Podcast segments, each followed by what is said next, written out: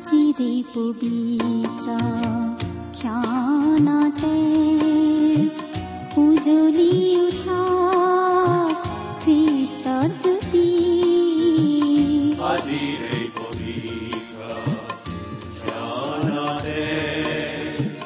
উজ্বলি উঠা খ্ৰীষ্টৰ জ্যোতি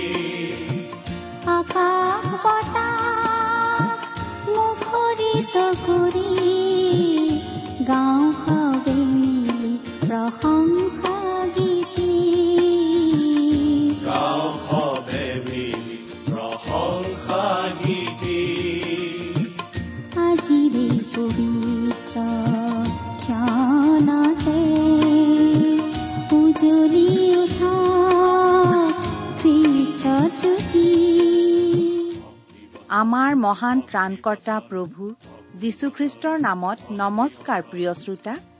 এয়া মুকলি কৰিবলৈ লৈছো বাইবেল অধ্যয়নৰ ধাৰাবাহিক অসমীয়া অনুষ্ঠান ভক্তি বচন।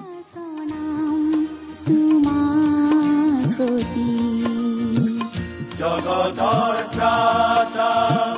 মহান যিছু এটাৰ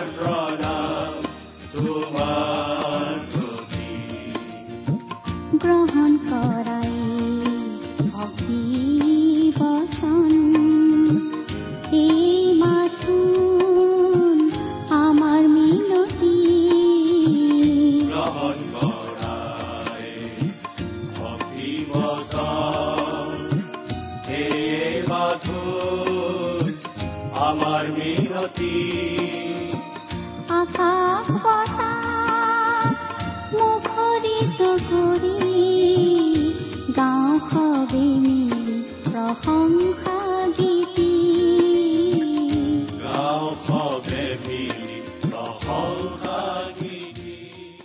আমাৰ পৰম পবিত্ৰ প্ৰভু যীশুখ্ৰীষ্টৰ নামত নমস্কাৰ প্ৰিয় শ্ৰোতা। আশা কৰো আপুনি ভালে কুশলে আছে। লগতে এই বুলিও আশা কৰিছো যে আপুনি আমাৰ এই ভক্তিবচন অনুষ্ঠানটো নিয়মিতভাৱে শুনি আছে। আৰু আমি এইটোও আশা কৰিছো যে আপুনি মাজে সময়ে আমালৈ চিঠি পত্ৰও লিখি আছে। হয় প্ৰিয় শ্ৰোতা আপোনালোকৰ পৰা চিঠি পত্ৰ পাবলৈ আমি আশাৰে বাট চাওঁ। এই অনুষ্ঠান সম্বন্ধে আপোনালোকৰ মতামত কি আমি জানিবলৈ বিচাৰো? এই অনুষ্ঠান শুনি আপোনালোকে কিবা প্ৰকাৰে লাভৱান হোৱা বুলি শুনিবলৈ আমি আশা কৰো। সেয়েহে সদায় কৰি অহাৰ দৰে আজিও অনুৰোধ কৰিছো আমালৈ দুষাৰিমান আজিয়ে লিখি পঠিয়াওকচোন। আমাৰ যোগাযোগৰ ঠিকনা ভক্তিবচন টি ডব্লিউ আৰ ইণ্ডিয়া ডাক বাকচ নম্বৰ সাত শূন্য গুৱাহাটী সাত আঠ এক শূন্য শূন্য এক।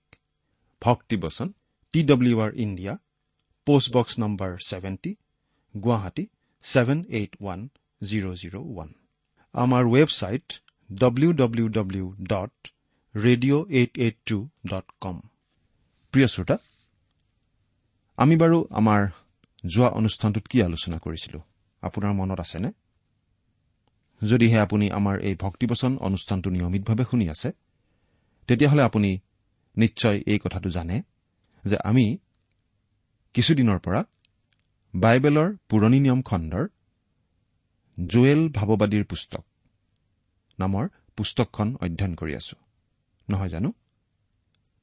যোৱা অনুষ্ঠানত আমি এই জুৱেল ভাৱবাদীৰ পুস্তকৰ দুই নম্বৰ অধ্যায়ৰ চাৰি নম্বৰ পদলৈকে পঢ়ি আমাৰ আলোচনা আগবঢ়াইছিলো।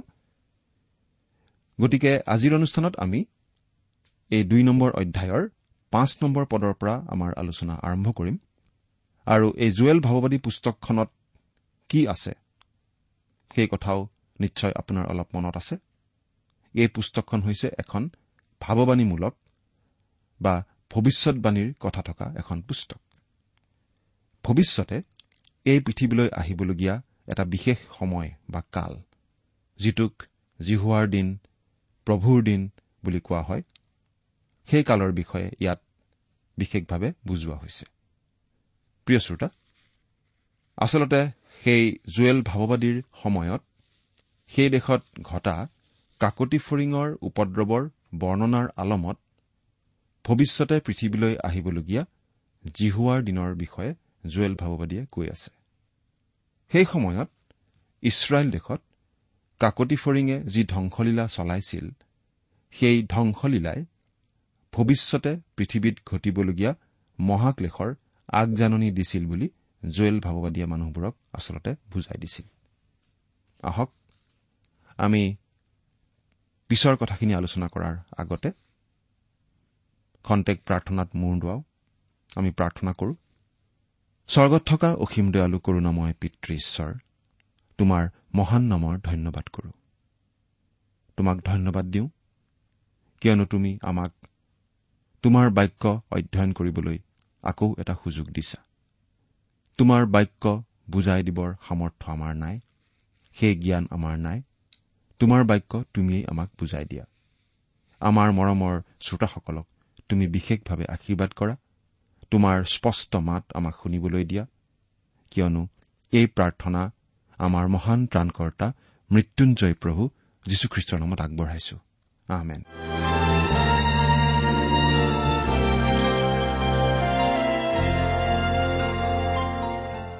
প্ৰিয় শ্ৰোতা এতিয়া আমি পাঠ কৰি দিম। জুৱেল দুই নম্বৰ অধ্যায়ৰ পাঁচ আৰু ছয় নম্বৰ পদ। আপুনি আপোনাৰ বাইবেলখন মেলি লৈছেনে বাৰু? যদিহে লগত বাইবেল নাই আমি পাঠ কৰি দিলে মন দি শুনিব। পাঠ কৰি দিছো। জুৱেল দুই নম্বৰ অধ্যায়ৰ পাঁচ আৰু ছয় নম্বৰ পদ। ইয়াত এনেদৰে লিখা আছে সিহঁতে জঁপিওৱা শব্দ পৰ্বতবোৰৰ টিঙত চলা ৰথসমূহৰ শব্দৰ নিচিনা। সিহঁতে খোৱা শব্দ নৰা গ্ৰাসকাৰী অগ্নিশিখাৰ শব্দৰ নিচিনা। সিহঁত যুদ্ধলৈ বেহু পতা পৰাক্ৰমী এক জাতিৰ সদৃশ। সিহঁতৰ আগত জাতিবিলাকে যাতনা পায় আৰু আটাইৰে মুখ বিৱৰ্ণ হয় অৰ্থাৎ সকলো পুৰি যাব। সাত নম্বৰ পদ। সিহঁতে বীৰবিলাকৰ নিচিনাকৈ লৰ মাৰে। সিহঁতে যোদ্ধাৰুৰ নিচিনাকৈ গড়ত উঠে। সিহঁতে নিজ নিজ শাৰী নভঙাকৈ নিজ নিজ পথত যাত্ৰা কৰে। সিটোপদেশত আমাক এই বুলি জনোৱা হৈছে। সিটোপদেশ ত্ৰিশ নম্বৰ অধ্যায়ৰ সাতাইছ নম্বৰ পদত। চাওকচোন। ফৰিংবোৰৰ ৰজা নাই। তথাপি সিহঁত সকলোৱে দলে দলে যাত্ৰা কৰে। কাকতি ফৰিংবোৰক কোনো ৰজাৰ প্ৰয়োজন নাই। সিহঁতৰ কোনো নেতা নাই। কিন্তু সিহঁতে প্ৰত্যেকে নিজৰ নিজৰ স্থান আৰু দায়িত্ব বুজি পায়। সিহঁত জাকে জাকে আহে। ইয়াত জুৱেল ভাৱবাদীয়ে যেতিয়া কাকতি ফৰিঙৰ চাৰিটা জাকৰ কথা বৰ্ণনা কৰিছে তেওঁ আচলতে এটা বিশাল সৈন্যবাহিনীৰ অভিযানৰ কথা বৰ্ণনা কৰিছে। কাকতি ফৰিঙৰ সৈন্য। শেষকালত সেই ইছৰাইল দেশৰ বিৰুদ্ধে আন এটা সৈন্যবাহিনী আহিব আৰু সেই সৈন্যবাহিনী আহিব কাকতি ফৰিঙৰ জাকৰ নিচিনাকৈ। আচলতে এয়া প্ৰকাশিত বাক্য পুস্তকৰ এটা প্ৰস্তুতি কাৰণ প্ৰকাশিত বাক্যত পাচনি জোহনে এটা কাকতি ফৰিঙৰ উপদ্ৰৱৰ কথা লিখিছে আৰু উপদ্ৰৱ হ'ব ভৱিষ্যতে পৃথিৱীত হ'বলগীয়া সেই মহাক্লেশৰ সময়ত পঞ্চমটো তুৰিধ্বনি হোৱাৰ পাছত। আমি পাঠ কৰি দিম। প্ৰকাশিত বাক্য ন নম্বৰ অধ্যায়ৰ এক নম্বৰ পদৰ পৰা চাৰি নম্বৰ পদলৈকে। পাছে পঞ্চম দূতে বজালত আকাশৰ পৰা পৃথিৱীলৈ পৰা এটা তৰা দেখিলো। আৰু অগাধ ঠাইৰ কুণ্ডৰ চাবি তেওঁক দিয়া হল। তাতে তেওঁ সেই অগাধ ঠাইৰ কুণ্ড মেলিলত কুণ্ডৰ পৰা বৰ অগ্নিকুণ্ডৰ ধোঁৱাৰ নিচিনাকৈ ধোঁৱা উঠিল। তাতে সেই কুণ্ডৰ ধোঁৱাৰে সূৰ্য আৰু আকাশ অন্ধকাৰময় হল। সেই ধোঁৱাৰ পৰা কচুৱা ফৰিংবোৰ পৃথিৱীত ওলাল আৰু সেইবোৰক পৃথিৱীৰ কেঁকুৰা বিচাৰ ক্ষমতাৰ নিচিনা ক্ষমতা দিয়া হল। আৰু পৃথিৱীৰ কোনো তৃণ বা কোনো কেঁচা শাক বা কোনো গছ হিংসা নকৰি যিবিলাকৰ কপালত ঈশ্বৰৰ চাপ নাই অকল তেনে মানুহবিলাকক হিংসা কৰিবলৈ সেইবোৰক কোৱা হ'ল। আৰু এই কাকতি ফৰিং হ'ব অস্বাভাৱিক ধৰণৰ কাকতি ফৰিং। কাৰণ সেই কাকতি ফৰিঙে সেউজীয়া একো বস্তু আক্ৰমণ নকৰিব। কিন্তু স্বাভাৱিক কাকতি ফৰিঙে সকলো সেউজীয়া বস্তু আক্ৰমণ কৰে আৰু সিহঁতে কোনো মানুহ আক্ৰমণ নকৰে। কিন্তু ভৱিষ্যতে আহিবলগীয়া সেই কাকতি ফৰিঙে কেৱল মানুহহে আক্ৰমণ কৰিব। যি মানুহৰ কপালত ঈশ্বৰৰ চাব বা মোহৰ নাথাকিব সেই সকলো মানুহকেই সেই ফৰিঙে আক্ৰমণ কৰিব। সেই সময় ইমান ভয়ানক সময় হ'ব যে মানুহবোৰে মৰিবলৈ বিচাৰিব কিন্তু মানুহৰ মৃত্যু নহ'ব। অৰ্থাৎ কোনো মানুহে আত্মহত্যা কৰিবলৈ বিচাৰিলেও আত্মহত্যা কৰিবও নোৱাৰিব। প্ৰকাশিত বাক্যৰ এই ন নম্বৰ অধ্যায়ৰ পাঁচ আৰু ছয় নম্বৰ পদ দুটা পঢ়ি দিছো। তেওঁবিলাকক বধ কৰিবলৈ নহয় কিন্তু তেওঁবিলাকে পাঁচ মাহলৈকে যাতনা পাবৰ কাৰণে সেইবোৰক ক্ষমতা দিয়া হ'ল। কেঁকুৰা বিচাই মানুহক বিন্ধাত যেনে যাতনা সেইবোৰে দিয়া যাতনা তেনে। সেই কালত মানুহবিলাকে মৃত্যুক বিচাৰিব। কিন্তু কোনোমতে তাক নাপাব। তেওঁবিলাকে মৰিবলৈ আকাংক্ষা কৰিব কিন্তু মৃত্যু তেওঁবিলাকৰ পৰা পলাব। এতিয়া সেই কাকতি ফৰিঙৰ বৰ্ণনা কি দিয়া হৈছে মন কৰকচোন। প্ৰকাশিত বাক্য ন নম্বৰ অধ্যায়ৰ সাত আৰু আঠ নম্বৰ পদ। সেই ফৰিংবোৰৰ আকৃতি যুদ্ধৰ অৰ্থে সুসজ্জিত কৰা ঘোঁৰাৰ নিচিনা। আৰু মূৰত সুবৰ্ণময় কিৰিটি থকা যেন দেখা যায়। আৰু সিহঁতৰ মুখ মানুহৰ মুখৰ নিচিনা। তিৰোতাৰ চুলিৰ নিচিনা সিহঁতৰ চুলি আছিল। সিহঁতৰ দাঁত সিংহৰ দাঁতৰ নিচিনা। আৰু লোহাৰ বুকুবৰীৰ নিচিনা সিহঁতৰ বুকুবৰী আছিল। সেয়া নিশ্চয় অতি অস্বাভাৱিক ধৰণৰ কাকতি ফৰিং সেই বিশেষ উপদ্ৰৱ চলিব মহাক্লেশৰ সময়ত। অৰ্থাৎ আমি এই কথাটো বুজি পাওঁ যে ইমান দিন আগতেই জুৱেল ভাৱবাদীয়ে পাচনি জোহনৰ বাবে পৰিৱেশ প্ৰস্তুত কৰিছিল। প্ৰকাশিত বাক্যত ভৱিষ্যতে আহিবলগীয়া জিহুৱাৰ দিনত আহিবলগীয়া কাকতি ফৰিঙৰ বিশদ বৰ্ণনা দিবলৈ। আচলতে জুৱেল ভাৱবাদীৰ এই সৰু পুস্তকখনেই আমাক প্ৰকাশিত বাক্যত বৰ্ণোৱা শেষকালৰ বৰ্ণনা বুজি পোৱাত যথেষ্ট সহায় কৰে। সেই শেষকালত যি ঘটিব সেই ঘটনাৰ এটা আগতীয়া ছবি জুৱেলৰ পুস্তকত আমি পাওঁ। আৰু সেই শেষকালকেই জিহুৱাৰ দিন বুলি কোৱা হৈছে। জুৱেলে যেতিয়া কৈছে সিহঁতে বীৰবিলাকৰ নিচিনাকৈ লৰ মাৰে সিহঁতে যোদ্ধাৰুৰ নিচিনাকৈ গড়ত উঠে তেতিয়া আচলতে সেই সময়ৰ স্থানীয় পৰিস্থিতিৰ পৰা সেই স্থানীয় কাকতি ফৰিঙৰ উপদ্ৰৱৰ পৰা ভৱিষ্যতলৈ তেওঁ আগবাঢ়ি গৈছে। যি দিন বা যি কালক তেওঁ জিহুৱাৰ দিন বুলি কৈছে। পিছৰ পদতেই আমি বুজি পাম যে জুৱেলে সেই সময়ৰ স্থানীয় অৱস্থাৰ কথাৰ পটভূমিত ভৱিষ্যতে আহিবলগীয়া জিহুৱাৰ দিনৰ কথা কৈছে।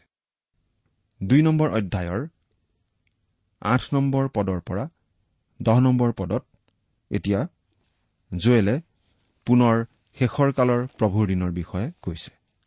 আমি পাঠ কৰি দিম। সিহঁতে ইটোৱে সিটোৱে ঠেলাঠেলি নকৰে। প্ৰতিজনে নিজ নিজ পথত যাত্ৰা কৰে। সিহঁতে অস্ত্ৰবোৰৰ মাজত পৰিলেও সিবিলাকৰ পথ নেৰে। সিহঁতে নগৰত ভ্ৰমি ফুৰে দেৱালৰ ওপৰত লৰ মাৰে উঠি ঘৰৰ ভিতৰত সোমায় আৰু চোৰৰ দৰে খিৰিকীয়েদি সোমায়।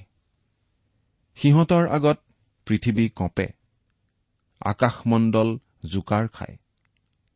চন্দ্ৰ আৰু সূৰ্য অন্ধকাৰময় হয় আৰু তৰাবোৰে নিজৰ পোহৰ নিদিয়ে। এয়া প্ৰিয় শ্ৰোতা ফৰিঙৰ কথা কবলৈ গৈ জুৱেল ভাৱবাদীয়েও বৰ অসচৰাচৰ শ্ৰেণীৰ ফৰিঙৰ কথা কৈছে। আৰু গতিকে আমি জুৱেল ভাৱবাদীয়ে দিয়া এই বৰ্ণনা আৰু পাচনি জোহনৰ যি বৰ্ণনা প্ৰকাশিত বাক্যত আমি পালো তাৰ মাজত সাদৃশ্য দেখা পাইছো। দুয়োটা বৰ্ণনা যেন মিলি গৈছে। এতিয়া আমি এঘাৰ নম্বৰ পদটো পঢ়ি দিম। জুৱেল দুই নম্বৰ অধ্যায়ৰ এঘাৰ নম্বৰ পদ। জিহুৱাই নিজ সৈন্য সামন্তৰ আগত নিজ মাত শুনাইছে। কিয়নো তেওঁৰ বাহিনী অতিশয় অধিক কাৰণ তেওঁৰ বাক্য সাধক বলৱান। আমাৰ অসমীয়া ভাষাৰ বাইবেলত দুই নম্বৰ অধ্যায়ৰ এঘাৰ নম্বৰ পদৰ কিছু কথা নি পেলাই বাৰ নম্বৰ পদত সুমোৱা হৈছে। যিখিনি এঘাৰ নম্বৰ পদতেই ৰখা হৈছে সেইখিনিৰো অনুবাদ শুদ্ধ হোৱা যেন নালাগে। এঘাৰ নম্বৰ পদৰ আচল কথাখিনি হৈছে যে তেওঁৰ বাহিনী অতি অধিক। সেয়ে ঈশ্বৰে বৰ মাতেৰে আদেশ দিব আৰু তেওঁৰ কথা পালন কৰাসকল অতি পৰাক্ৰমী। এতিয়া আমি বাৰ নম্বৰ পদটো পঢ়ি দিম। ইয়াত কি পাওঁ? কিয়নো জিহুৱাৰ দিন মহৎ আৰু অতি ভয়ানক। কোনে তাক সহন কৰিব পাৰে? তথাপি জিহুৱাই কৈছে এতিয়াও তোমালোকে তোমালোকৰ সমস্ত মনেৰে লঘোণ ক্ৰদন আৰু শোকেৰে মোলৈ ঘূৰা। তোমালোকৰ সমস্ত মনেৰে লঘোণ ক্ৰদন আৰু শোকেৰে মোলৈ ঘূৰা। এই ঘূৰা শব্দটোৰ আচল অৰ্থ হৈছে মন পালটন কৰা। ঈশ্বৰৰ লোকবিলাকৰ মন ঈশ্বৰৰ পৰা আঁতৰি গৈছিল। সেইবাবেই ঈশ্বৰে কৈছে তোমালোক মোলৈ ঘূৰা তোমালোকে মন পালটন কৰা। মন পালটন কৰা মানে আচলতে মন সলনি কৰা। মন সলনি কৰাৰ চিন আমি দিওঁ আমাৰ কাৰ্যৰ দ্বাৰা। যেতিয়া আমি দিশ সলনি কৰি উভতি আহোঁ তেতিয়াই আমি মন পালটন কৰাৰ প্ৰমাণ দিওঁ। মন পালটনৰ সময়ত আমি হয়তো চকু পানী টুকিব পাৰোঁ কিন্তু সেইটো মন পালটনৰ এটা ফল মাত্ৰ। কিন্তু মন পালটনৰ আচল অৰ্থ হৈছে মন সলনি কৰা ঘূৰি অহা। এইখিনিতে আমি এটা সৰু উদাহৰণ দিব খুজিছো। এজন বিখ্যাত লোকে তেওঁৰ এটা ব্যক্তিগত ঘটনাৰ কথা এনেদৰে কৈছিল। মই এজন লোকক মোৰ পিতৃৰ নিচিনাকৈ সন্মান কৰিছিলো। সেই লোকজনে মোক নানা ধৰণে সহায় কৰি আহিছিল কাৰণ মই অতি দুখীয়া আৰু পিতৃহীন আছিলো। তেওঁৰ সহায় আৰু নিৰ্দেশনাতেই আচলতে মই এজন খ্ৰীষ্টীয় পৰিচাৰক হ'ব পাৰিছিলো। তেওঁ বেংকত কাম কৰিছিল আৰু মোৰ সহায়ৰ বাবে তেওঁ বেংকৰ পৰা ধাৰো যোগাৰ কৰি দিছিল। এবাৰ মই কিবা এটা কামৰ বাবে বেংকৰ পৰা ধাৰ যোগাৰ কৰিবলৈ সেই মানুহজনৰ ওচৰলৈ গৈছিলো। মই যিটো কামৰ বাবে ধাৰ বিচাৰিছিলো সেইটো মই ভাল কাম বুলিয়েই ভাবিছিলো। যেতিয়া মই সেই মানুহজনক লগ ধৰি কথাটো কলো তেওঁ কলে তুমি যি কাম কৰিব খুজিছা সেইটো ভাল কাম নহয়। এই কামটো তুমি নকৰাই ভাল। এইটো কামৰ কাৰণে মই তোমাক ধাৰ দিব নোৱাৰো। তেওঁৰ কথা শুনি মোৰ খুব খং উঠিল। আৰু উচাত মাৰি মই বেংকৰ পৰা ওলাই আহিলো। কিন্তু বেংকৰ দুৱাৰ পাৰ হৈ আলিবাটত খোজ দিয়েই মই অনুভৱ কৰিলো যে মই ভুল কৰিলো। মই লগে লগে আকৌ বেংকৰ ভিতৰলৈ সোমাই গলো। মোক উভতি যোৱা দেখি মোৰ পিতৃসুলভ সেই লোকজনৰ চকু চলচলীয়া হৈ গ'ল। প্ৰিয় শ্ৰোতা মন পালটন মানে এনেকুৱা। সেই বিখ্যাত লোকজনে মন পালটন কৰাৰ বাবেই সেই মানুহজনৰ ওচৰলৈ আকৌ উভতি গৈছিল। তেওঁ যে মন পালটন কৰিছিল তাৰ প্ৰমাণ তেওঁ দিছিল। তেওঁ তাৰ প্ৰমাণ দিছিল তেওঁ উভতি যোৱা কাৰ্যটোৰ জৰিয়তে। ঈশ্বৰেও ইয়াত কৈছে মোলৈ ঘূৰা। তোমাৰ সমস্ত মনেৰে মোলৈ ঘূৰা।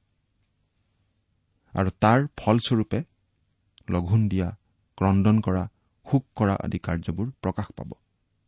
বহুতো লোকে এই বুলি ভাবে যে গীৰ্জাঘৰলৈ গৈ দুখ কৰি ক্ৰদন কৰি প্ৰাৰ্থনা কৰিলেই আমি পৰিত্ৰাণ পাব পাৰোঁ। কিন্তু সেইটো নহয়। প্ৰথম কথা আমি মন পালটন কৰিব লাগিব। জগতক প্ৰেম কৰিবলৈ এৰি দি ঈশ্বৰক প্ৰেম কৰিব লাগিব। পাপ স্বভাৱ এৰি প্ৰভু যীশুক ধৰিব লাগিব। মুঠতে আমি মন সলনি কৰিব লাগিব। কিয়নো জিহুৱাৰ দিন মহৎ আৰু অতি ভয়ানক। কোনে তাক সহন কৰিব পাৰে? ঈশ্বৰে ইছৰাইল জাতিক দণ্ড দিব বুলি কৈছিল যদিহে তেওঁলোকে মন পালটন নকৰে। যদিহে তেওঁলোকে কুপ্ৰকৃতি ত্যাগ নকৰে। ঈশ্বৰৰ দণ্ড অতি ভয়ানক। কোনো তিষ্ঠিব নোৱাৰে। একেধৰণৰ কথা আমি ইব্ৰী পুস্তকতো পাইছিলো। তাত লিখা হৈছে জীৱনময় ঈশ্বৰৰ হাতত পৰাটো অতি ভয়ংকৰ কথা। আমি যদি ঈশ্বৰৰ দণ্ডৰ যোগ্য হওঁ তেনেহলে আমাৰ আৰু ৰক্ষা নাই। কিন্তু ঈশ্বৰে আজি আমাক পৰিত্ৰাণৰ উপায় দিছে। আচলতে মানুহ হিচাপে আমি সকলোৱেই ঈশ্বৰৰ দণ্ডৰ পাত্ৰ। কিন্তু প্ৰভু যীশুখ্ৰীষ্টই গোটেই মানৱ জাতিৰ দণ্ড মানৱ জাতিৰ হৈ নিজে বহন কৰিলে ক্ৰুচৰ ওপৰত। গতিকে আমি যদি মন পালটন কৰো আৰু প্ৰভু যীশুকেই আমাৰ ত্ৰাণকৰ্তা বুলি গ্ৰহণ কৰো তেতিয়া আমি ঈশ্বৰৰ দণ্ডৰ পৰা ৰেহাই পাম। এই কথাটো অতি স্পষ্টভাৱে আমাক বাইবেলত কোৱা হৈছে। প্ৰভু যীশুক ত্ৰাণকৰ্তা বুলি গ্ৰহণ কৰি আমি আজিয়েই পৰিত্ৰাণ লাভ কৰিব পাৰো। এতিয়া তেৰ নম্বৰ পদটো পঢ়িম। আৰু তোমালোকে তোমালোকৰ বস্ত্ৰ নিচিৰি মনহে চিৰি তোমালোকৰ ঈশ্বৰ জিহুৱালৈ ঘূৰা। কিয়নো তেওঁ কৃপাময় আৰু স্নেহময় ক্ৰোধত ধীৰ আৰু দয়াত মহান আৰু অমংগলৰ পৰা নিজকে ঘূৰাওতা। অৰ্থাৎ এইটো এটা অন্তৰৰ অভিজ্ঞতা হ'ব লাগিব বাহ্যিক অভিজ্ঞতা নহয়। আচলতে মুচিৰ বিধান মতে পুৰোহিতে তেওঁৰ চোলা ফালিব নোৱাৰিছিল। কোনো ধৰণৰ উগ্ৰতা প্ৰদৰ্শন কৰি মন পালটন কৰিবৰ প্ৰয়োজন নাই। চকুপানীও হ'ব লাগিব আন্তৰিক। অন্তৰখনে কান্দিব লাগিব। অন্তৰখন সলনি হ'ব লাগিব আৰু ঈশ্বৰলৈ ঘূৰিব লাগিব। ঈশ্বৰলৈনো কিয় ঘূৰিব লাগে তাৰ কাৰণ ইয়াত দিয়া হৈছে। কিয়নো তেওঁ কৃপাময় আৰু স্নেহময় ক্ৰোধত ধীৰ আৰু দয়াত মহান আৰু অমংগলৰ পৰা নিজকে ঘূৰাওতা। যাত্ৰা পুস্তক আৰু জোনা ভাৱবাদীৰ পুস্তক অধ্যয়ন কৰোঁতে আমি পাইছিলো ঈশ্বৰে মন সলনি কৰাৰ কথা। ইছৰাইল জাতি মিছৰ দেশত থাকোতে আমাৰ এনেকুৱা লাগে যেন ঈশ্বৰেও মন সলনি কৰিছিল।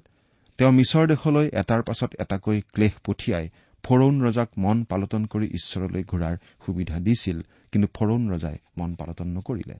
আকৌ জোনা ভাৱবাদীৰ দিনত ঈশ্বৰে জোনাক নিনবী নগৰলৈ পঠিয়াই নিনবীৰ লোকসকলৰ আগত সাৱধানবাণী শুনাইছিল যাতে তেওঁলোকে মন পালটন কৰে। নিনবীৰ লোকসকলে মন পালটন কৰিছিল। গতিকে ঈশ্বৰে নিনবী নগৰ ধ্বংস নকৰিলে আমাৰ এনেকুৱা লাগে যেন ঈশ্বৰে তেওঁৰ মন পৰিৱৰ্তন কৰিলে কাৰণ আগতে তেওঁ সেই নগৰ ধ্বংস কৰিম বুলি কৈ পাছত ধ্বংস নকৰিলে। কিন্তু আমি স্পষ্টভাৱে ক'ব খোজো যে ঈশ্বৰে মন সলনি কৰা নাছিল। ঈশ্বৰ পৰিৱৰ্তনশীল নহয় তেওঁ কেতিয়াও সলনি নহয়। তেওঁ সদায় অনুগ্ৰহশীল তেওঁ সদায় কৰুণাময় আৰু তেওঁ সদায় ক্ৰোধত ধীৰ। প্ৰিয় শ্ৰোতা আমি সদায় ঈশ্বৰত ভৰসা কৰিব পাৰো। তেওঁ কেতিয়াও সলনি নহয় তেওঁ অপৰিৱৰ্তনীয়। কিন্তু যেতিয়া কোনো এজন পাপীয়ে মন পালটন কৰি ঈশ্বৰলৈ ঘূৰে তেতিয়া ঈশ্বৰে ঠিক এনেদৰে কোৱাৰ নিচিনা হয় তুমি মোৰ দণ্ডৰ যোগ্য আছিলা মই তোমাক দণ্ড দিলোহেঁতেন। কিন্তু যিহেতু তুমি এতিয়া মন পালটন কৰি মোলৈ ঘূৰিলা মই তোমাক আৰু দণ্ড নিদিওঁ। ঈশ্বৰ সদায় অনুগ্ৰহশীল আৰু পাপীক ক্ষমা কৰিবলৈ প্ৰস্তুত। চৈধ্য নম্বৰ পদ। কোনে জানে? তেওঁ ঘূৰি মন পালটাব পাৰে আৰু নিজৰ পাছত আশীৰ্বাদ দি যাব পাৰে। তোমালোকৰ ঈশ্বৰ জিহুৱাৰ উদ্দেশ্যে দিবলৈ ভক্ষ নৈবেদ্য থৈ যাব পাৰে। আন কথাত ঈশ্বৰে তোমালোকক আকৌ আশীৰ্বাদ কৰিব। তোমালোকৰ শস্যক্ষেত্ৰ আৰু দ্ৰাক্ষাবাৰী উপচি পৰিব আৰু তোমালোকে আকৌ ঈশ্বৰলৈ বুলি পেয় নৈবেদ্য আৰু ভক্ষ নৈবেদ্য উৎসৰ্গ কৰিব পাৰিবা। ইয়াত যি পেয় নৈবেদ্যৰ কথা কোৱা হৈছে লেবিয়া পুস্তকত সেই পেয় নৈবেদ্যৰ বিষয়ে কোনো নীতি নিয়ম বান্ধি দিয়া আমি দেখা নাপাওঁ। পেয় নৈবেদ্য আচলতে আন বলিৰ ওপৰত বাকি দিয়া হৈছিল আৰু সেই নৈবেদ্য আন বলিৰ অংশ হৈ পৰিছিল। যেতিয়া আন জ্বলন্ত বলিৰ ওপৰত এই পেয় নৈবেদ্য ঢালি দিয়া হৈছিল তেতিয়া পেয় নৈবেদ্য বাষ্প হৈ উৰি গৈছিল। আপোনাৰ নিশ্চয় মনত আছে যে পাচনি পৌলেও তেওঁৰ জীৱনটো খ্ৰীষ্টৰ বলিদানৰ ওপৰতেই পেয় নৈবেদ্য হিচাপে আগবঢ়াবলৈ ইচ্ছা প্ৰকাশ কৰিছিল অৰ্থাৎ প্ৰভু যীশুখ্ৰীষ্টই হ'ল মূল বলি। তেওঁ নিজকে খ্ৰীষ্টৰ কাৰণে উৎসৰ্গ কৰিবলৈ হাবিয়াস কৰিছিল। প্ৰিয় শ্ৰোতা আপুনি আপোনাৰ জীৱনটো যদি পৰীক্ষা কৰি চায় আপুনি বাৰু কেনেদৰে জীয়াই আছে? প্ৰভু যীশুক যদিহে আপুনি আপোনাৰ ত্ৰাণকৰ্তা বুলি গ্ৰহণ কৰিছে আপোনাৰ জীৱনটো তেওঁৰ গৌৰৱৰ কাৰণে ব্যৱহাৰ কৰি আছেনে? চিন্তা কৰি চাওকচোন। ঈশ্বৰে আপোনাক আশীৰ্বাদ কৰক।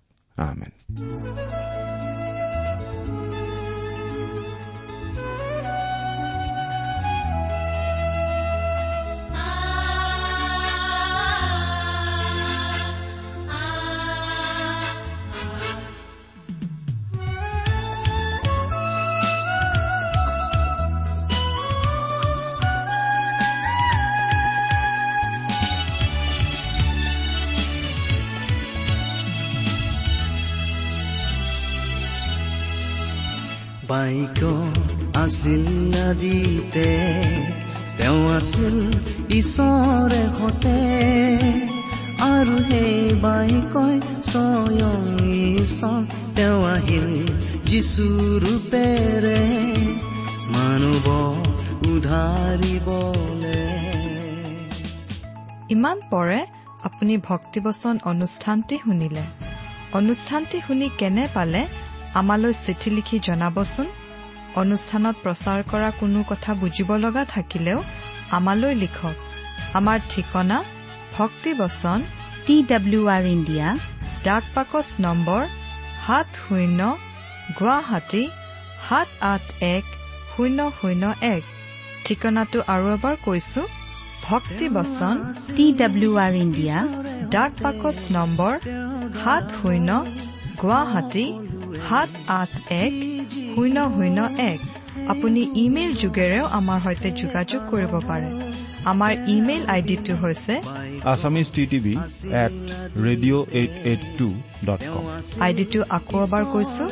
Assamese T TV at radio' eight eight two dot com. আপুনি টেলিফোনৰ মাধ্যমেৰেও আমাক যোগাযোগ কৰিব পাৰে।